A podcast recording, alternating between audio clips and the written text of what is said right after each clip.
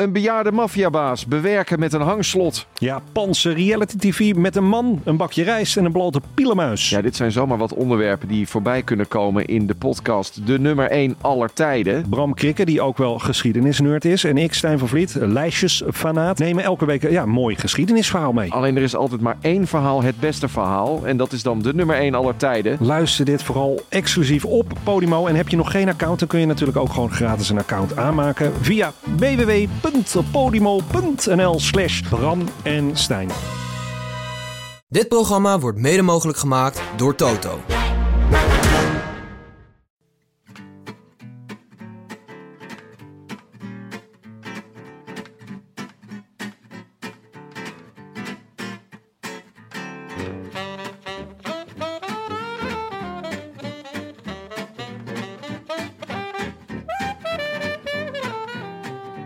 Het is zaterdag 12 oktober en live vanuit de woonkamer van Willem in Amsterdam bij het knapperende haardvuur is dit de Rode Lantaarn, de wielerpodcast van Het is Koers.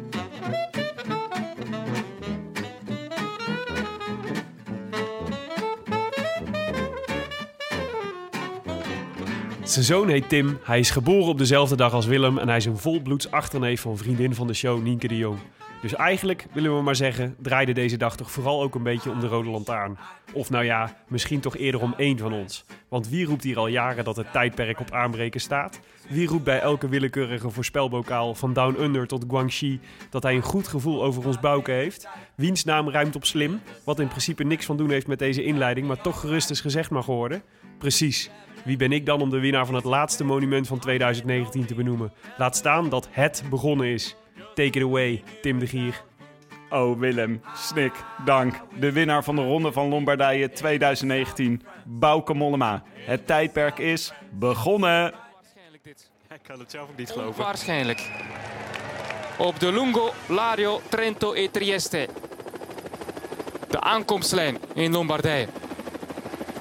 38 jaar na Kuiper. Een nieuw Nederlands wondermoment. En natuurlijk die vuist die daar al zichtbaar is bij Molma. Hij gaat het klaarspelen. Hij gelooft het niet, maar het is wel zo. Een bekroning van een wondermooie carrière. 32 jaar is hij.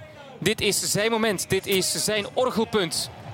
Hij heeft al vele mooie dingen gewonnen. Hij heeft al vele mooie koersen gereden. Maar dit, nee, dit hadden wij niet verwacht. Bauke Mollema wint op sublieme manier de Ronde van Lombardije. Een monument. 38 jaar na Kuiper is het Mollema.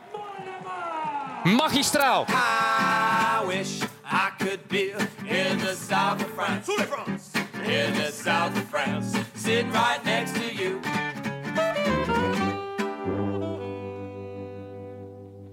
Wajo. 12 oktober 2019. Of eigenlijk eh, Jaar 1. jaar 1 in het tijdperk Mollema. Ja, Ja, 1 januari in het tijdperk we Mollema. beginnen opnieuw na vandaag. de Molly, Mollemiaanse kalender is begonnen nu, toch? Hoe voelt het, Tim?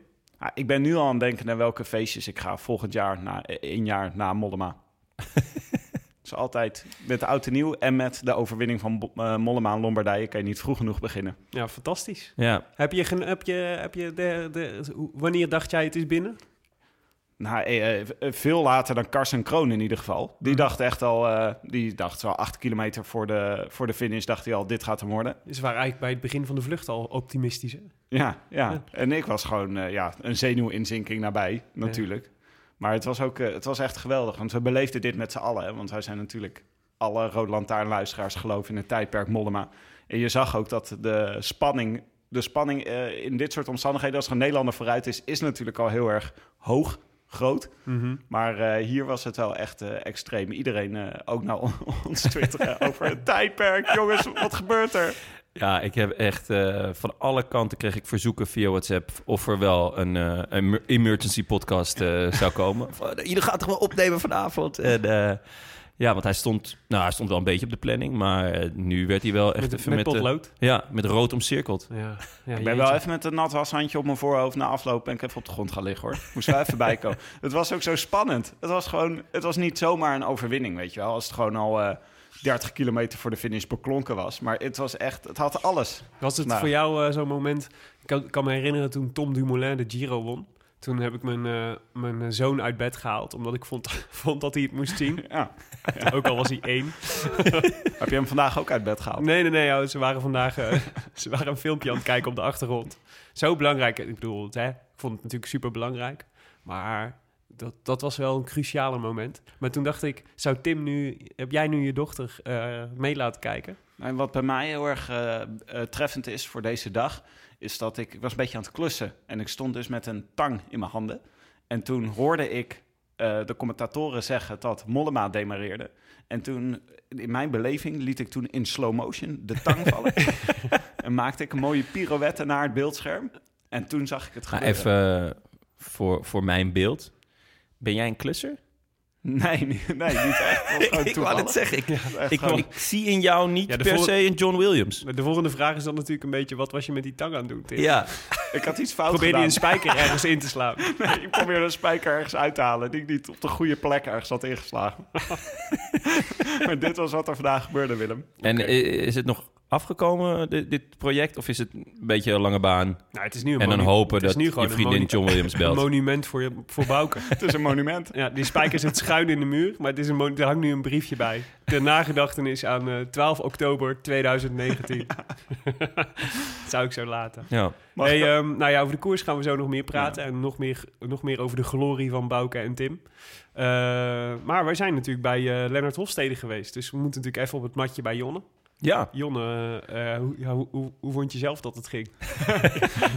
Jonne was Ja. er niet bij. Dat- nee, ik, zat, eh, ik lag heerlijk op bankie. Ehm, ik heb hem eh, met buitengewoon veel plezier geluisterd. Ik vond het een, eh, een heel intelligente jongen. Hij leek me ook wel een gevoelige jongen. En ook wel iemand die daar dan over nadacht en daar iets mee deed. En uiteindelijk ook zijn voordeel ermee deed. Ik vond het, vond het heel... Heb je het nu over zijn valangst? Ja, ja. De, ik ben blij dat je nog even valangst... Want het is, was dus niet faalangst, hè? Nee, het was valangst, ja. Ja, ik vond het heel bijzonder hoe hij daarmee om was gegaan. Ik laat wel wezen, dit had ook prima einde carrière kunnen zijn. Als je als wielrenner ook, ja. eh, valangst hebt en, en je weet niet goed hoe je daarmee om moet gaan, ja, dan, ja, dan heb je echt een gigantisch probleem. Ja. Dus ehm, ja, ik vond het buitengewoon eh bijzonder, eh, bijzonder gesprek. Leuk hè? We zaten ook na aflopen, dachten ook... Je moest er ook echt een beetje een einde aan breien. Dat, is- dat we echt Ja, dat we hadden nog een uur door kunnen praten. Vond ik wel, inderdaad. Het was redelijk abrupt dat eh, Tim... eh, nou weet ik dat Tim, Tim was altijd heel streng. kort op, die, eh, op, op de rode lijn zit. Ja. Maar eh, ja, nee. eh, Ja, maar ja, genoten. voor een wielrenner, wij waren gewoon, eh, wij waren daar nog om half elf of zo. En Ja. voor een wielrenner is dat gewoon laat. Voel me schuldig. Denk ik, ja, zometeen rijdt hij slecht volgend seizoen. Omdat wij hem hier hebben wakker gehouden. Ja, het is wel een Ah, ja. beetje waar. Maar het concept is natuurlijk wel een beetje van die specials een uur met, zeg maar. En wij gaan er altijd grandioos overheen. Maar de vraag is of je nog vol kan houden... of de, de titel een uur met nog vol kan houden... als een, bij een podcast bijna twee uur duurt. Ja, Ik merk ja. dat jij ook een beetje aan het zoeken bent naar woorden om dan in de titel te zetten. Bijna, net niet helemaal, ongeveer uur met Ja. naar het opsteden. Willen we meer of minder specials? Nou, Nee, ik vond het ook tof. Maar ik vond het ook heel grappig. Ik kreeg ook veel, van- veel mensen reactie. Dat is het ook wel dat, juist dat deel wat jij nu benoemt. Over, dat die, over die valangst en hoe die daar overheen was gekomen. En zijn openheid daarover. Ook wel heel ehm, nieuwe generatie vonden. En ook een soort heel hoopvol voor de nieuwe generatie. Dus ik moest bijvoorbeeld denken aan ehm, eh, zo'n interview wat eh Ten Dam met ehm, eh, Bram Tankink had gehad. Waar Tankink vertelde over zijn eigen psychische problemen en hoe hij daar overheen was gekomen en zo. Maar dat, dat had ik zeg maar, van die generatie eigenlijk nooit verwacht tijdens hun carrière of zo. Het is altijd na afloop, dan durven ze daar dan over te vertellen, Oh, of over zo. te praten. Ja. Terwijl dit soort openheid van, weet je wel, hij is, die jongen is 24, die zit, net, die zit aan het begin van zijn carrière en die durft daar gewoon over te praten zonder dat hij het gevoel heeft, mensen gaan me hier raar op aankijken of zo, of eh, weet ik veel wat. Ik, vind dat heel, Ja. ik vond dat echt heel tof.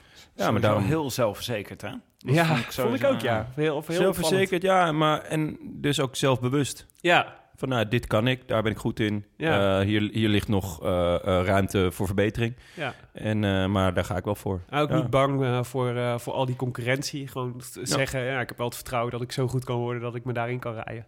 Ja. Dat is wel echt heel leuk. Daar hou ik altijd wel van. Beetje brani. Zeker. Over Brani gesproken, Gianni Moscon. Ja, jij kwam met het bericht, Jonne, dat Moscon tijdens de Tour 10 kilo is aangekomen. En eh, toen dacht ik, dat is wel raar zeg. Even, eh, ja, wat... Dat zijn tien flessen cola. Ja, Jij weet veel over aankomen. Hoe, Ja, is dat, eh, ja. hoe kan dat? Dan hebben we, en daar hebben we één expert voor in de redactie. Omdat ik, je bedoelt dat ik goed kan aankomen.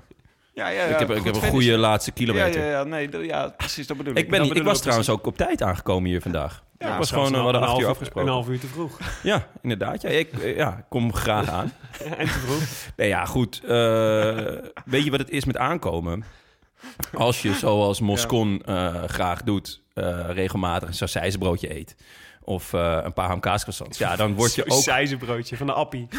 Nee, nee, Appie nee. Nee, ho, ho. Als Moscon sausijzenbroodje haalt, is het altijd bij de kwekkenboom. Mhm. Van, eh, eh, dat is echt goed, goed rundvlees. Mm. En, maar ja, dan weet je dat je ook 10 kilo aan kan komen. Ja, er was wel veel- verbazing over dat dit kon, hè, überhaupt. Dat je, tijdens een tour. Maar ik moest dus denken aan wat Hofstede vertelde over zijn, ehm, eh, zijn pijnstillers. Die, had dus, die zei dus ook van, ik begon eh, door die pijnstillers was niet alleen de, de pijn weg, maar ik begon ook maagproblemen te krijgen en ik begon heel veel vo- vocht vast te houden. Ja, Dus dat is, ik moest daar meteen aan denken als soort verklaring voor dat, eh, dat is natuurlijk. Ik bedoel, je gaat niet eh 10 kilo spieren aan, met 10 kilo spieren aankomen of eh, 10 kilo vet, dat gaat niet. Maar 10 liter water, zeg maar, Nou ja, je dat- vast blijft houden. ja dat, dat was ook wat Moscon uiteindelijk zei, toch? Hij, hij Oh, begon... ja, niet. nou, hij, ehm, Slimme jongen dan in dat geval. ja, hij, hij ehm, had een, echt een waardeloos eh, voorseizoen gereden. En hij zou de Giro gaan rijden, maar dat ging daardoor niet door. Ja. Eh, en toen wou hij zich revancheren naar de Tour. En toen heeft hij geen rust genomen. En toen heeft hij knetterhard getraind. Was hij volledig overtraind eh, aan de Tour begonnen. Waardoor hij zich zo slecht voelde. En dus ook allerlei, allemaal vocht vasthield. Waardoor hij gewoon 10 kilo aankwam tijdens de Tour. Ja, dat is, dat is echt waanzin. Ik had nog even onderzoekswerk gedaan. Hè? Ik had even Oh. gevraagd bij eh, Volker van der Kerken, een luisteraar die bij Grand Italia werkt. Weet je wel, van de pasta, pasta dingen. Ja. En die zei, er zijn verschillende manieren om aan te komen, ook tijdens de tour. Als je veel pasta met vezels eet, verbrand je de koolhydraten minder makkelijk. Vond ik interessant. En als je pasta sausen eet waar zout aan is toegevoegd, houd je ook vocht, vocht vast, waardoor je minder makkelijk een berg op komt. En elke renner verbrandt zijn koolhydraten op een andere manier. Daarom hebben ze ook allemaal een iets ander dieet. Het kan ook gewoon zijn dat er natuurlijk iets, eh, iets fout is gegaan. Dus we hebben gewoon een pasta-expert onder onze luisteraars. Ja, Nou, goed. Doen we gewoon. Overigens wil ik wel even stellen dat ik al jaren niet aankom. Nee, Ik dat, ben bedoel, dat, dat, dat bedoelde ik ook niet hoor. Nee, ja, bent nee. nog nooit op tijd gekomen. In ieder geval niet wanneer we dat wilden. Rectificaties, jongens. Me- hadden- het viel heel erg mee. Ik moest echt, eh, ik moest echt zoeken. Maar een paar, we hadden vooral veel aanvullingen. Waaronder from, from Jan, Jan van Steeg, a.k.a. Your Guy from Outback. Zoals hij zichzelf in zijn e-mail noemt. Dubieus. Ja, ik snap het ook niet helemaal, maar goed. Die vertelt dat hij zelf ook aan wielrennen doet... en die het altijd mooi vindt hoe wij de koers verstehen en einfühlen. Hij heeft alleen een rectificatie en die is vooral belangrijk voor jou, Jonne. Ik, eh, ik zit wel in de hoek waar de klappen vallen. Nou, nee, want jij liet weten dat je erg enthousiast was over de nacht van de Power Ballad. Aan de hand van eh, de zangeres op de boot die eh, een, een fraaie Bon Jovi in huis had. Zo, de knetter. Ik dacht dat het gewoon een, een hoe heet het was?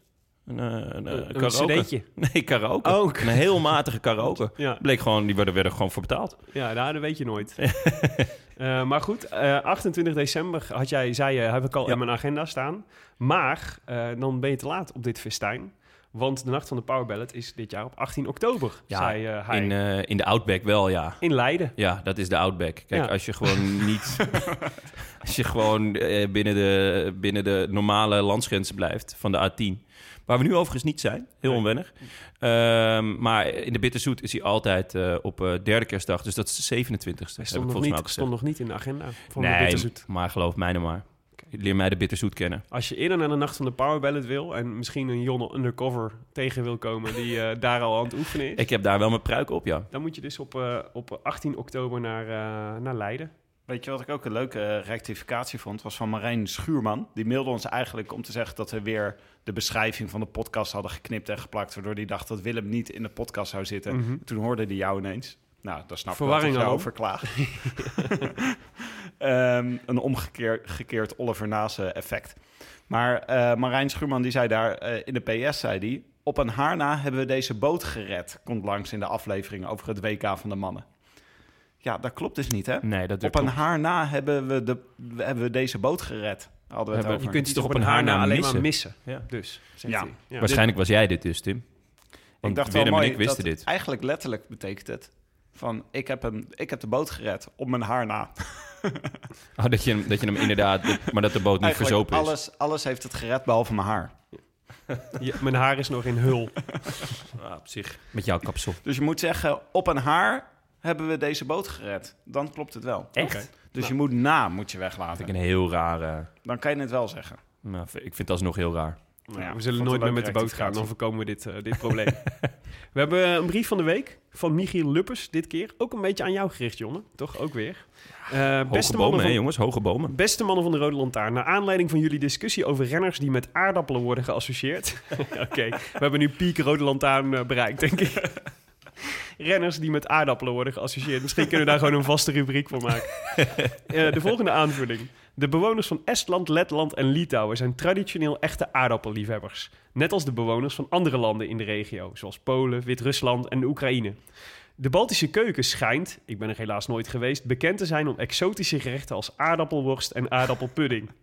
Waarschijnlijk om deze reden hebben enkele Baltische renners en hun volgers de aardappel als een icoon voor succes omarmd. Als je op Twitter de hashtag Potato Power gebruikt, kom je vooral de volgende namen tegen. Tom Skoeiens, Mikael Raam, Martin Laas en Christ Nijlands. Zij dragen hun pieperliefde zelf ook actief uit. Voor zover ik weet heeft Kangert, want daar ging het eh, over, hè? De, Ja. de aardappel gebruiken Mhm. jullie als emoji voor... Ja, eh, de taal- zoete aardappel. de zoete aardappel. Eh, heeft Kangert dat niet gedaan, maar als Est past hij natuurlijk prima in deze patattenparade. Net als Rijn Taramee, Wim van Est en Lee Towers. De liefde betreft overigens de sinds de 17e eeuw in deze streken bekende aardappel en niet de zoete variant. Ik zou me nooit willen bemoeien met de gebruiken binnen andermans appgroepen, maar het staat iedereen natuurlijk vrij om iets met deze informatie te doen. Hartelijke groeten, Michiel. Ja, een eh, goed, goed, goed betoog. Ik denk, ik denk dat je dit gewoon integraal in je appgroepje moet plaatsen. Ja, ik en zal dan een, kijken eh, wat er gebeurt. Ik zal een aardappeltje opgooien. Of en free for all, of free for all ontstaat. Ja, nou ja, er zijn geno- gelukkig nog, nog genoeg andere renners eh, die we nu dus met aardappelen kunnen, kunnen associëren. Ja. Ah, die, die, die, hebben jullie die, kennen jullie die emoticon van de zoete aardappel? Mm, ja. Die heeft iets zieligs, iets viezigs. iets Zielig en sneuigs. verstehen van de zoete aardappel. emoticon. En, en ehm, hoe heet die? eh, eh, Kangert? Ja, Kangert? Kangert. Heeft ja, af, en toe een beetje hetzelfde. Mhm. Mm, Misschien is er houding of misschien is er resultaat. Hij wordt eigenlijk altijd zeventiende. Ja, Eh, wat echt wel knap is, want hij wordt ook in de Tour dan zeventiende of zestiende of zoiets. zeker knap. Ehm, maar ja, ook in kleine rondes wordt hij ook weer 16e of 17e. Dus ja, ja, op, op een bepaalde manier. Ik pak straks even die emoticon erbij. En dan moet je dat naast de emoties leggen die je bij Tanel Kangert hebt. Ja. En dan, nou ja, dan, dan denk ik dat het wel klopt. Dan viel je hem wel aan. Ja, Heel goed. Oké, laten we het over, eh Tim, over de ik koers zie dat je eindelijk het bier hebt meegenomen. Ja, niet Zo. voordat we een natje hebben opengemaakt. En ik nog een nog- blokje hout op de, in de haard gooi. ja, We zitten echt bij de open haard, hè? zeker. Als je knapperend geluid hoort, een knappertje.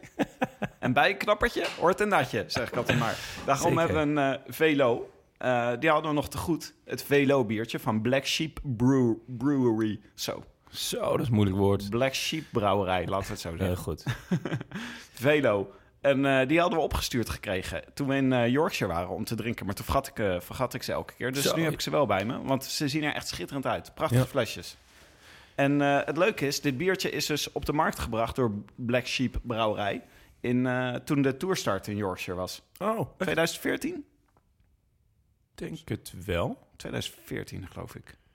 Ja, dat zou heel goed kunnen. Maar goed, toen hebben ze deze dus op de, op de markt gebracht. En dat was een groot succes. Dus hij is er nog steeds. Hebben we nog steeds gemaakt.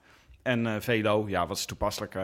Dus eh, laten we de Ronde van Lombardije vieren met een Velo Freewheeling Pale Ale. Het is ook meteen een halve liter. Ik zie je ook gelijk bang kijken, Jonne. Want jij bent gewoon elke keer die... Nou ja, het is elke keer als we die... eh, het is allemaal leuk en aardig voor die mensen die dat allemaal opsturen. Maar het is elke keer niet te beffen, die troep. dus eh, ja, de ene keer moet je het uit elkaar Ik denk dat je knippen. ervan gaat genieten. Ja, denk je? De verwachtingen zijn heel laag, Santé. maar eh, we zullen het zien. Cheers, jongens. Op het tijdperk. Op, het, ja, op de nieuwe jaartelling die begonnen is. Oké, Nou, even over nou. het parcours. Dit is best schappelijk. Ja, Eerste slokje. ja, Ik vind het zelfs lekker. ja ik ook. Jeetje, Dat scheelt jou weer een fles champagne, eh, Willem. We zijn, we zijn Die we anders open hadden getrokken. Wat dinsdag kan er komen. Ik weet niet hoe lang deze uitzending gaat duren. Ja.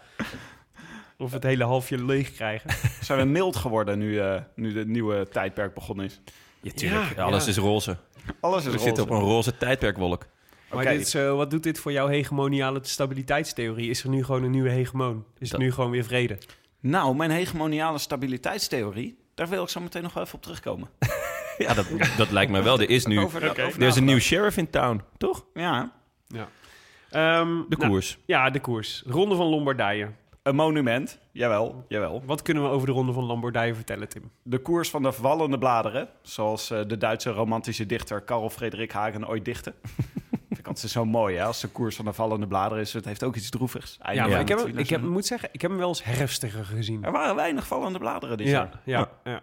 Ja. Ik, ik, ik associeer de Ronde van Lombardije altijd met de, de koplampen die zo strijken over een natte weg. Weet je wel? Dat je zo'n zo'n Ja. heel, mooi, heel mooi zacht licht krijgt. Dat was van vandaag vecht te zoeken. Goh, je bent ook een dichter hoor, Willem. Zeker. Sterk nog, hij heeft hier een dergelijk ding aan de muur hangen. En wat?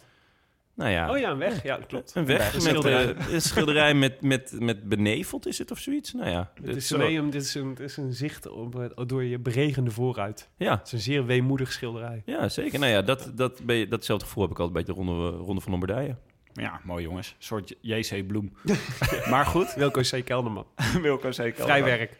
Eh, de, ze willen het parcours nog wel eens aanpassen hè, in eh, de Ronde van Lombardije. Maar dit jaar startte het in Bergamo en finishte het in Como. Zoals, eh, zo- net als vorig jaar. Mhm. En ehm, eh, ze moesten over zes bergen. Het is een zwaar parcours. Het is goed voor de klimmers. Een belangrijke plaats waar ze voorbij fietsen is Gisalo. Spreek ik zo goed uit? Gisalo. Gisalo. Gisalo. Dat is echt een wielerbedevaartsoord, hè? Klein kerkje bovenop, kapelletje. Ja.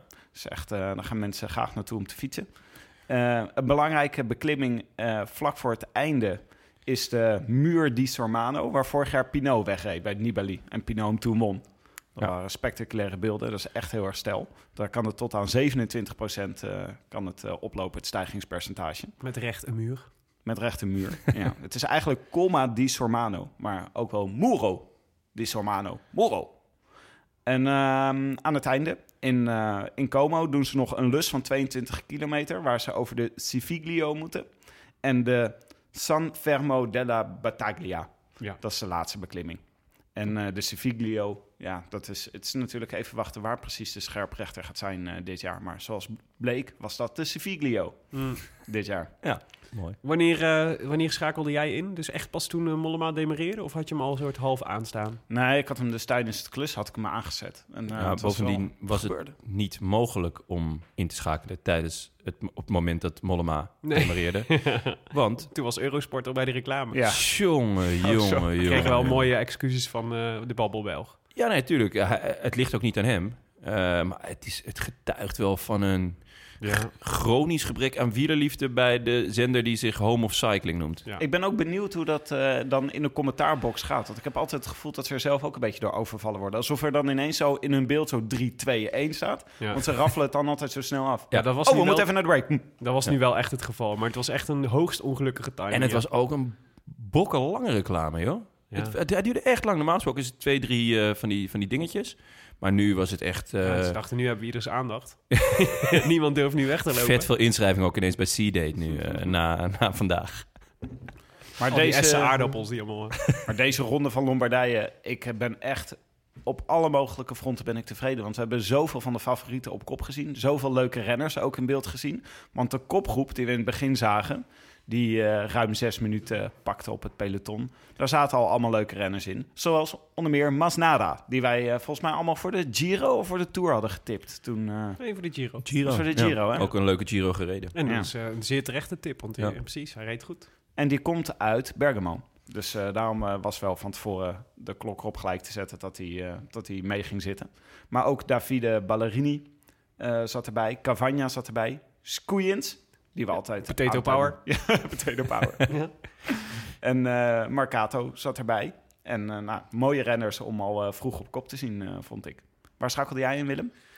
Ehm, op, volgens mij op eh, een kilometer of 60 voor de streep, denk ik. Het was nog best een tijdje dat, er, eh, dat, het wel leuk, dat het wel leuk was, maar dat je nog wel voelde de finale moet nog gaan beginnen. Ja. Ja, ik, ik ook zoiets. Maar bij mij in de buurt was ook een beetje einde seizoen. Ja. Veel storingen. Hadden jullie dat ook? Nee. Ik heb echt hele stukken zwart eh, dat ik gewoon Ja, ik had dat een... ja, naar een stille, stille tv heb Ik dacht dat kijken. er mijn kabel lag. Ja, dat dacht ik ook, maar ik ben blij dat jij het ook had. Ja. Dat, eh, tenminste, het lag denk ik ook aan de kabel, maar daardoor heb ik naast al die reclames ook nog best wel veel momenten gemist. Hmm. Maar uiteindelijk kwam het beeld weer terug en toen was het reclame en toen eh, was eh, Mollema gedemareerd. ja. ja, op die, die Madonna del Gazalo, daar eh, eindigde het eh, verhaal voor, eh, voor die kopgroep die jij net noemde. Ja. Ehm, en zag je eigenlijk dat tot dan toe was eigenlijk Jumbo was eigenlijk de, de ploeg die het een beetje controleerde. En toen zagen we ineens de, de Ineos boys op kop rijden. Ja, Misschien... Puccio. Ja, Puccio. Weet je, weet je nog waarom we Puccio haten? ja, ik weet ja, heel goed waarom we Puccio haten. ik weet het ook nog wel, ja. Ja, dat is de man die eh, Tom Dumoulin deed vallen in de Giro. Ja, Ik denk dat het dat is. dus dat is Salvatore Puccio. Dat kan toch ook niet anders dan de bad guy van dit verhaal zijn? Ja, de as van het kwaad. Maar laten we even constateren, het heeft Tom best wel goed gedaan, heb ik het idee. Nou, eh, eh, voor dit seizoen. ja, hopelijk voor de ja, toekomst. wel een heel seizoen. Ben je nu eh, alweer optimistisch over de stap die hij hierdoor gezet Ik, heeft? ik heb, ik heb eh, Du- Dumoulin de afgelopen weken heb, hem, heb ik hem op meerdere plekken gezien. En ik, ik heb er, in één keer heb ik, is al mijn vertrouwen in Tom weer terug. Het- ja. Hij is ontspannen. Hij is, eh, hij is bezig met eh, hoe hij beter kan worden. Hij was in één keer dook op op een of ander congres over, eh, presta hoe je, pre- over prestatieverbetering. Waar hij niet, geen, niet als spreker of zo, maar gewoon waar hij gewoon uit interesse als bezoeker naartoe gekomen was. Wat Oh. ik echt, eh, nou ja, dan ben je Ja. al wel weer, dan heb je er wel weer zin in, denk Ja. ik dan. En hij had soort zichzelf voorgenomen dat hij, vond ik ook heel hoopvol. Ik ga nog een jaar of zeven fietsen en ik ben van zins om er alles uit te halen wat erin zit. nou, ik was, en, en eh, zoals Frank Heijnen terecht schreef, onze, onze favoriete sportscribent, de frons is weg bij, eh bij eh Dumoulin. Ah, Ja. dat heb ik nog niet gelezen. Leuk. Oh, de frons is weg. De dat vind ik frons- inderdaad wel echt een goede ontwikkeling. En Ja. is, die, is hij dan weer terug bij eh, waar hij hoort, bij Frank de Boer? ja, ja, Dat zou wel lekker zijn. Ja, lekker in Atlanta. Die had hem lekker laten wegspuiten namelijk. Ja. Die Dus, kan hem wel gebruiken daar hoor, denk ik. Jawel, natuurlijk. Ja, En wacht. Ronald is toch degene die alle plastische chirurgie heeft? Eh, Frank inmiddels ook. Ja? Ja, die is helemaal om, joh. Dus ze lijken weer op elkaar. Ja, natuurlijk. Frank voelde zich gewoon een beetje, een beetje achtergelaten en, eh, en lelijk en eenzaam. Maar goed, we haten Puccio. Oh ja, daar hadden we het over. maar we zagen dus Ineos Jumbo aflossen. Dit zijn, ook, dit zijn de kleine vreugdes van de koers. Is natuurlijk ook Jumbo die gewoon de, de favoriet is in deze koers. Ja, grote door- ploeg. ja, Ja. die moeten gewoon... eh, iedereen kijkt naar Jumbo. Ja. Nou, Roglic was natuurlijk ook by far de favoriet eigenlijk voor deze, voor deze koers. Omdat Ja. hij natuurlijk heel goed had gereden in de afgelopen eh, Italiaanse koersen. Eh, volgens mij Had ik niet meer verwacht. Twee gewonnen. Nee. Hij heeft er twee gewonnen, waarvan eentje wel met mazzel, hè? Eh, Ja, omdat, Dat is ook winnen. Ja, maar dat sloeg helemaal nergens op. Er werd er Ja, gewoon een groepje met favorieten de verkeerde kant op gestuurd. Waardoor die- hij zat in de derde groep, geloof ik. Ja. Waardoor hij eh, eh, Ja, ineens in pole position zat. Dat, dat, dat was een beetje mazzel, maar ik had het eerlijk gezegd niet meer verwacht. Dat, hij- dat hij zo goed deze Italiaanse week zou, Nee, het zou idee zijn. was een beetje eh, na dat WK, eh, weet je wel, dat hij eh, dat hij die tijdrit, dat, en de eerste tijdrit en toen de wegrace, nog voordat we, of op het moment dat we het, zeg maar, het circuit van Harrogate opkwamen, dat hij afdraaide en naar het hotel ging, toen had ik het gevoel, die gaat onder de douche staan en die zien we in maart volgend jaar wel weer ergens. Ja, nee, dat, ja, ik dacht die gaat gewoon alleen maar cervezas drinken. En, Ja, als hem ook zeer goed geweest. ja, zeker. Maar en met zijn baby hoe goed, die, eh, hoe goed die deze Italiaanse koers nog was gefocust. Ja, iedereen kijkt continu naar hem. Ja, Hij is ook gewoon echt. de, degene met de meeste World Tour overwinningen dit jaar. Maar dat zag je nou ja, vandaag. Hij is eh, eerste in het UCI-klassement. Ja. Groenewegen is toch de, de meeste overwinningen? Het meeste overwinningen, maar niet de meeste World Tour overwinningen. Groenewegen, daar kunnen we straks nog wel... eh, of, eh, kun- mogen we het daar nu over hebben? Nee, laten we er straks over hebben. Oké. De kan, nee, het zijn ook niet kermiskoersjes natuurlijk die Groene Wegen wint. Maar Nou, de Tax Pro Classics. Ja, het legt Zou er jij erom gewoon, juichen, eh, Hij legt gewoon Arvid de Klein, legt hij daar, eh, legt hij daar over Maar- de knie. Maar ik vind En het toch wel... Viviani, hè? Ja. Het is toch wel erg aan dit jaar dat voor eh Roglic... Ik zou natuurlijk bijzonder veel glorieuze momenten uit de Giro of uit de Vuelta van hem kunnen onthouden. Maar mijn lievelingsmoment was toch wel dat hij in die tijdrit gewoon naast Rowan Dennis bleef fietsen.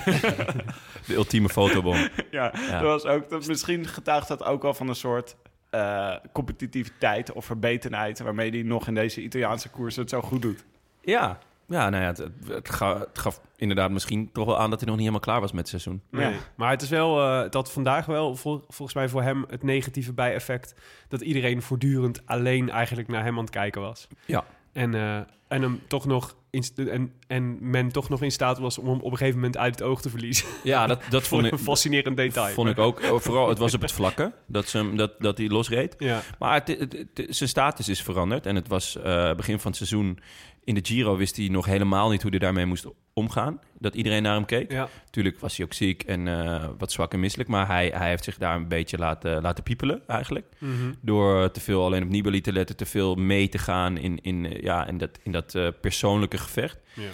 En, En, en te veel koersen vooraf te rijden. ja, nou ja, dat ook. Dat ook, zeker. En daar heeft hij gewoon ontzettend van geleerd. In de Vuelta vond ik hem super gefocust. Ja. Weet je wel, die valpartij Ja, in, de, Hofstede ook, hè? in, de, in de proloog. Ja. En dan gelijk die dag erna laten zien van ik ben er nog. Hoppakee, 40 seconden. Gewoon elke keer dat het kan laten zien dat je de beste bent. En, en je tegenstanders gewoon geen enkele ademruimte geven.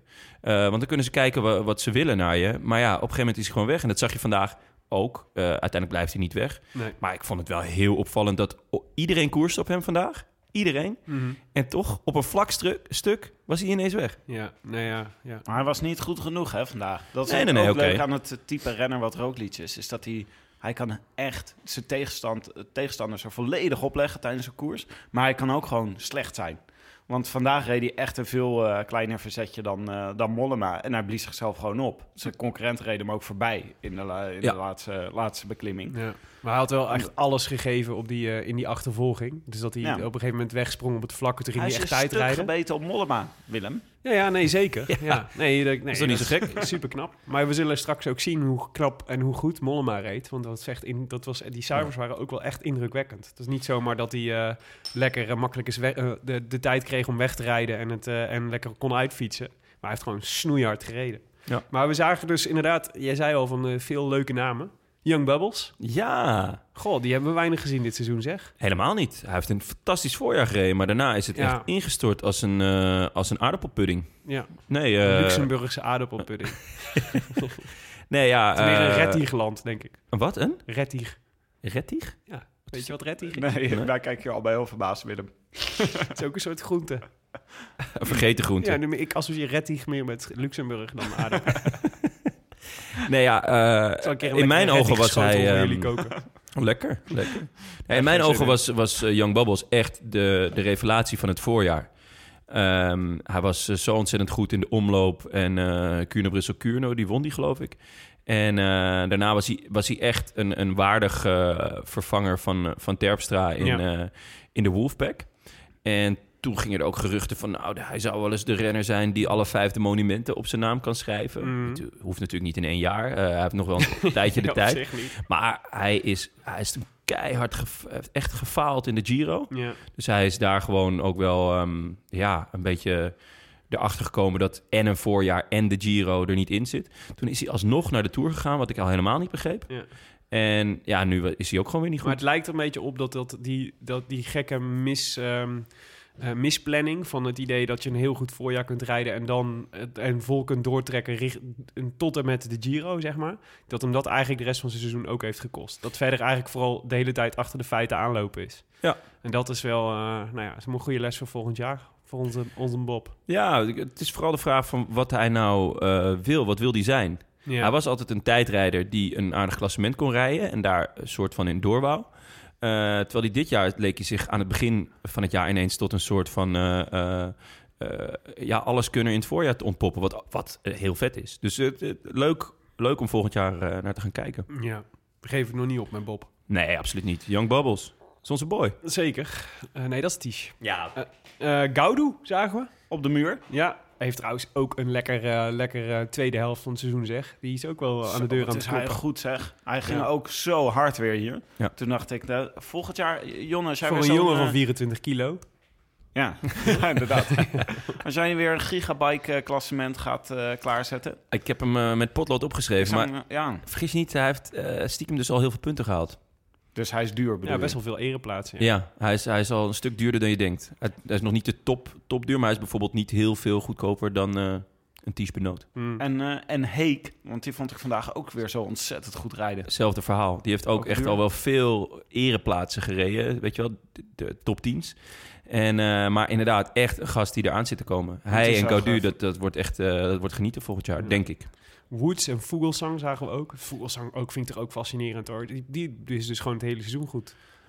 Absoluut. En Echt eh, zijn beste En- seizoen ooit. dit is absoluut zijn beste seizoen ooit. Ik denk, in mijn ogen ehm, is hij misschien nog wel een grotere revelatie dan Pogacar en, en eh, Bernal. Ja, behalve dat Ehm, hij 34 is. Ja, maar hij is 34. Waar haalt hij dit ineens vandaan? Ja. Hij, hij Ja. wint luik Bas luik. Hij was in elke eh, eendagskoers met, met, eh, met een beetje relief... was hij eh, samen met Alaphilippe de, de, de smaakmaker, de kloppen man. Terwijl hij was altijd een soort...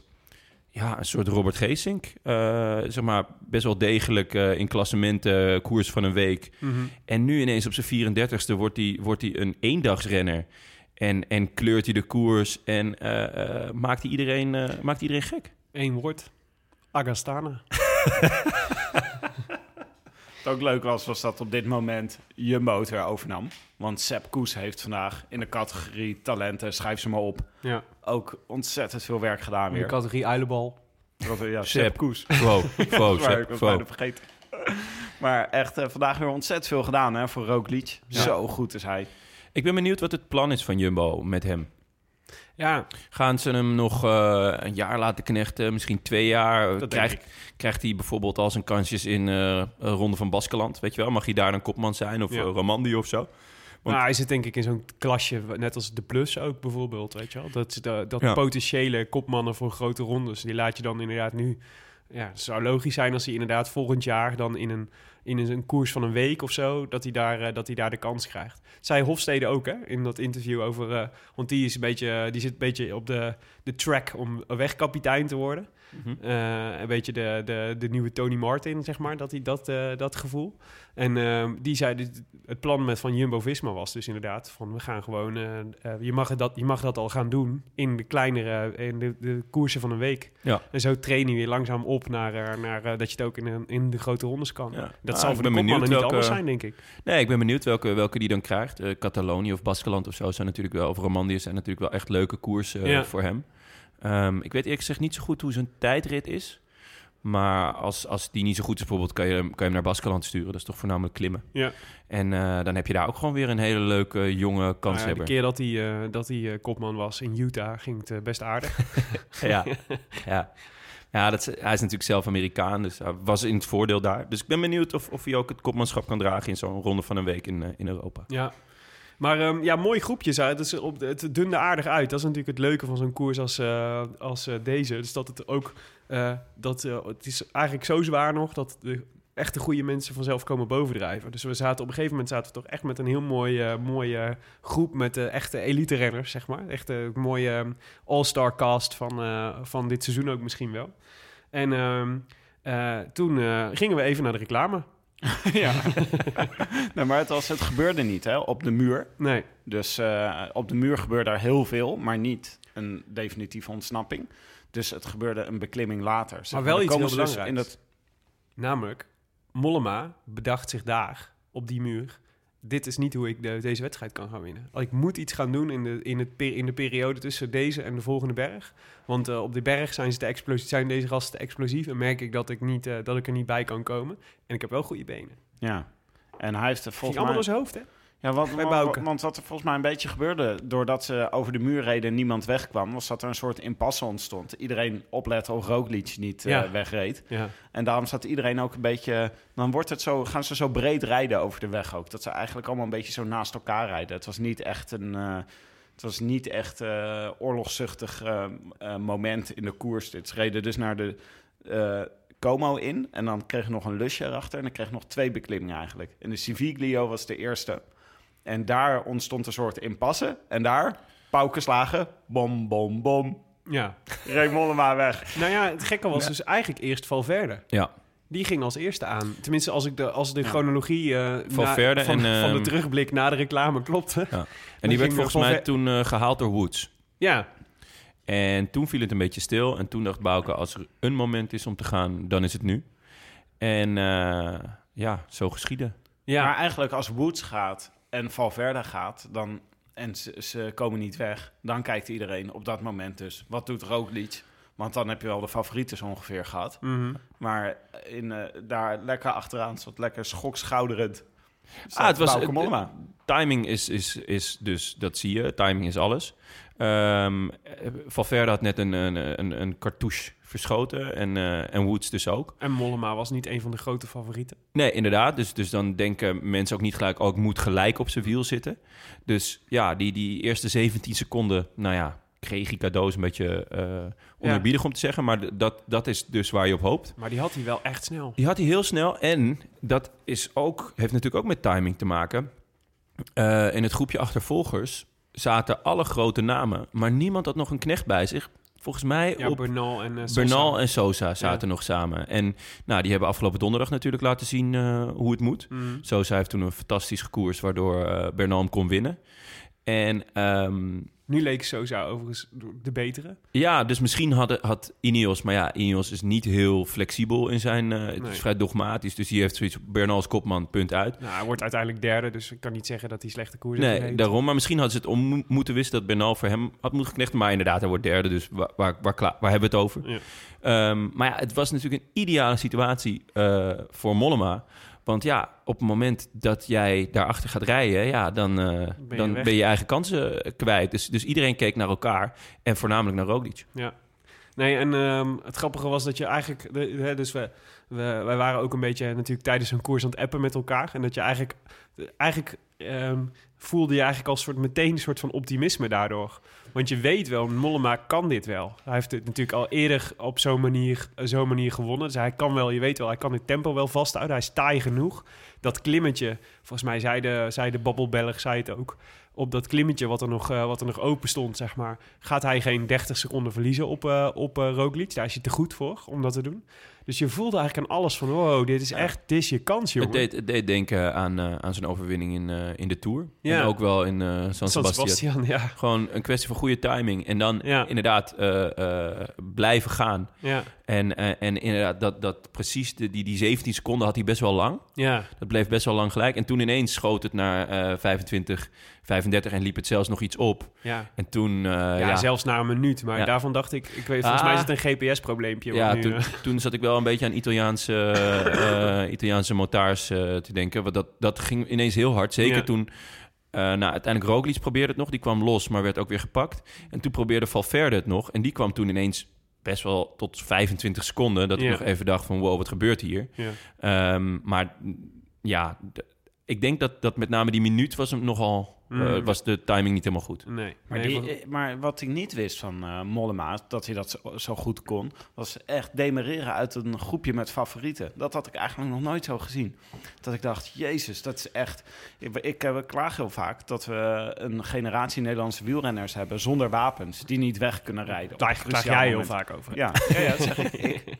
Dat zei ik. Ja, je zei zei we. we. Je zei we. Oh, je bedoelt jezelf, of Nee, zeg maar... het koninklijke we. Koninklijk meervoud. Nee, ik zei ik. Daar klaag ik heel vaak over. We spoelen even de band. Ja, ik wou niet zeggen. Gaan we dit... eh, Oh, oh, oh, oh, oh. Maar goed, daar klaag ik heel vaak over. Want eh, ik vind dat we, Zeker, en dat we te weinig wapenen hebben om in de finale van een koers beslissend te kunnen zijn. En een heleboel andere renners ontwikkelen die wapenen wel. Maar hier was het gewoon echt Mollema die trok, die, die, die, die gewoon de, die trok de trekker. Ja. En, maar dus eh, hij- het, kennelijk- was gewoon, het was echt een aanval die eh, ze ook niet konden volgen, weet je. Dat was ook eh, dat is wel een geweldig moment. Ik, Ja. ik vind eerlijk gezegd dat Mollema ehm, wat dat betreft een beetje wordt onderschat. Want de laatste kilometer van Mollema is heel sterk. Hij wordt dit jaar ook gewoon, volgens mij in de Waalse Pijl, ehm, wordt hij zesde. Mm. Hij heeft gewoon best wel een goede punch. Alleen dan moet je wel met het groepje in die laatste kilometer komen. Of, Ja. en, hij heeft het toch vaak daarvoor heeft hij het gewoon zwaar. Ik vind dat Mollema wel een versnelling heeft en het dus ook wel vol kan houden. Alleen ik vind het wel jammer dat hij zich ehm, lang niet elk jaar op bijvoorbeeld de Ardense klassiekers richt. Ja, dat heb je wel vaker gezegd ook. Ja, ik zou, ik Ja. zou het echt wel eh, heel... Ik vind de, de, de ehm, Amstel Gold en de Waalse Pijl, maar ook Luik Luik. Dat zijn allemaal koers die Oh, hij... Jonne, dat hadden we aan hem moeten vragen toen we hem spraken. En daar baalde ik Dat ontzettend hadden van. we volgens mij Ja, bedacht van dat hadden we van tevoren Ja. bedacht, maar we waren starstruck natuurlijk. Het is niet elke dag dat je een nieuw tijdperk We tegenkomt. hebben hem ontmoet, hè, Willem. Deze man, wij zijn gewoon Maar dit is nul handshakes verwijderd. Van Nul handshakes verwijderd. ja, maar dat is natuurlijk een beetje de tragiek van het multitalent. Dus als je alles... Dus hij kan natuurlijk een beetje... Eh, hij kan goed, eh, hij, kan- hij wordt ook vijfde in eh, de Giro dit jaar. Ja. Dus dan kun je zeggen, ja, dus het is kennelijk ook een goede algemeen klassement, goede renner voor het algemeen klassement. Hij is Ja, taai genoeg daarvoor. Ja. Dus het is ook, ik snap wel dat het dan lastig is om dan heel specifiek jezelf te richten op één van de twee. Het is ook wel weer leuk dat je het allemaal, dat je allemaal de ene keer daarop gokt en de andere keer daarop. Ja. En laten we eerlijk zijn, eh, zijn, eh, zijn erelijst mag er inmiddels wezen. Dus hij heeft best wel een palmares bij elkaar gefietst. Maar ik denk dat het grote, bij, wat ik bij Mollema, eh, in het kader van hij heeft geen wapen. ehm, het probleem is natuurlijk, hij kan heel veel dingen heel erg goed. Alleen er is bijna altijd iemand die dan nog net iets beter is daarin. Dus als je kijkt naar zijn erelijst ook, de hoeveelheid tweede en derde plaats die erop staan, is echt niet normaal. Dus hij zit best wel vaak zit hij in, de, in een soort de beslissende slag. Of kan hij mee, of heeft hij... Maar winnen is dan nog weer iets anders. En ik vind wel, dat als je dit zag... Ik vond dit echt wel een hogeschool lesje tactiek. Ja. Wat hij, eh, want het is echt koersinzicht. Om zeg maar zo... eh, volgens mij zei hij het ook na afloop dat het, een, dat het echt een bewustie was. Dus heel, heel gewoon goed gekeken om hem heen. Wie zit er en, eh, en wat is dan de, wat is mijn, de beste kans om te winnen, zeg maar. Nu moet, hier moet het gebeuren en nu moet het gebeuren. En niemand zit hier met knechten, dus ik heb de kans. En ik denk dat ik alleen weg kan rijden, want niemand let per se op me. Ja. Hij stond ook niet in op het... de eh, goede plek in de, in, eh, op een Ja. moment in het kopgroepje. hij stond ook van tevoren niet op het lijstje van Arjan Zoer, die, eh, die een lijstje had gemaakt met de favorieten. Nou, dat helpt natuurlijk ook, want Valverde kijkt daar ook naar. Daar Ja, stond hij niet in. Daar stond hij niet in. Daar Nee. stond Ja, hij maar dat is in. vaker met Arjen Soer Soer. die had voor de... Jawel, want die had juist, dat was het mooie. Hij had als drie favorieten had Soer Valverde, Vogelsang en Wood. En daarna twee sterren, Mollema, Roglic Ah, en. Yates. Nou, daar heb ik Ah. eroverheen gekeken.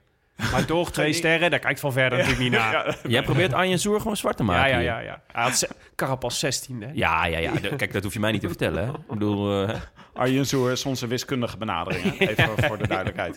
Sorry Arjan. Goed. Maar ehm, ja, nee, maar en toen ehm, kwam het natuurlijk het moment, eh, dat je, je voelt het op een gegeven moment aankomen. Dus Valverde ging eh, nog in de tegenaanval. Toen Roglic werd teruggepakt, toen dacht ik, nu is het eigenlijk, ja, die is binnen. dit is het moment, dit is binnen. Als geen ijs en wederdienende, geen pech. Dus ik, had ook, eh, ik heb jullie ook verordoneerd om, eh, om eh, de huid nog niet te verkopen op eh, Ja, WhatsApp. Niet jinxen. Radio Met name naar Tim. Ja, ja, ja. ja wilde gewoon totale radiostilte. Wilde. Maar Ja. Carson Kroon die Ja. dreef me ook wel tot de baanzin ongeveer hoor. Dat was echt eh, veel te vroeg was hiermee. Gelukkig. Ja, Jeroen van Bellegem was vandaag ook in goede vorm hoor. Had veel goed gezien. ja, Maar die temperde het gelukkig nog een beetje. ja. Nou, wat een onzin. Hoezo Hij, temperen? nee, maar, hij hij maar mooi toch? was dat hij zag al heel vroeg in de koers... eh, kondigde hij eh, Mollema aan. Of zei hij eigenlijk van Mollema is goed. En hij eh, temperde wel een beetje Carson Kroon... die echt eh, door dolle heen was. En elke keer... Hij was ook zenuwachtig door dolle heen. Hè? Hij Ja, zei dus ja. de hele tijd... Ja, maar nou ga- ontgaat het hem echt niet meer. Of eh, toch... Oh, misschien heb ik iets... Nee, Ja, maar, maar- nu ontgaat het hem niet meer. Ja, heb je niet eh, dat je dan de hele tijd van die, eh, hoe heet dat dan? Van die halve intrusies krijgt. Dat je, dat je voor je ziet dat hij dan op een kilometer van de meter met een lekke band staat. Weet je wel? Zo'n. Henny Kuiper gevoel van, Ja. eh, bij Parijs-Roubaix. Ik, dat is bij mij, dan denk ik, oh, dat is, ik probeer de hele tijd te denken... Bij elke kilometer denk ik, oké, weer een kilometer minder kans op, op, op pech of valpartijen. Dat is grappig, want normaal gesproken is het bij jou andersom. Dat je alle de raarste ideeën hebt over hoe er Ja. toch nog een Nederlands Ja. podium kan komen. Ja, ja en precies. Ja, als het dan puntje bij paaltje komt, dan zit je... dan draai ik om. Ja, Maar er was nog wel de, het bochtje van Valverde.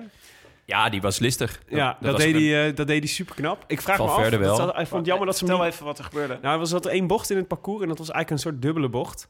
Eh, er stonden soms ja, de, ehm, de bocht rechtsaf en ze moesten hem kort nemen omdat er een, eh, omdat er een hindernis in het midden stond. Zo'n rood kussen ook, zeg maar. Dus je ging er aan de binnenkant langs en daardoor werd je een beetje naar buiten gedreven. Maar uit het zicht, uit de bocht, stond nog een, eh, nog een hindernis.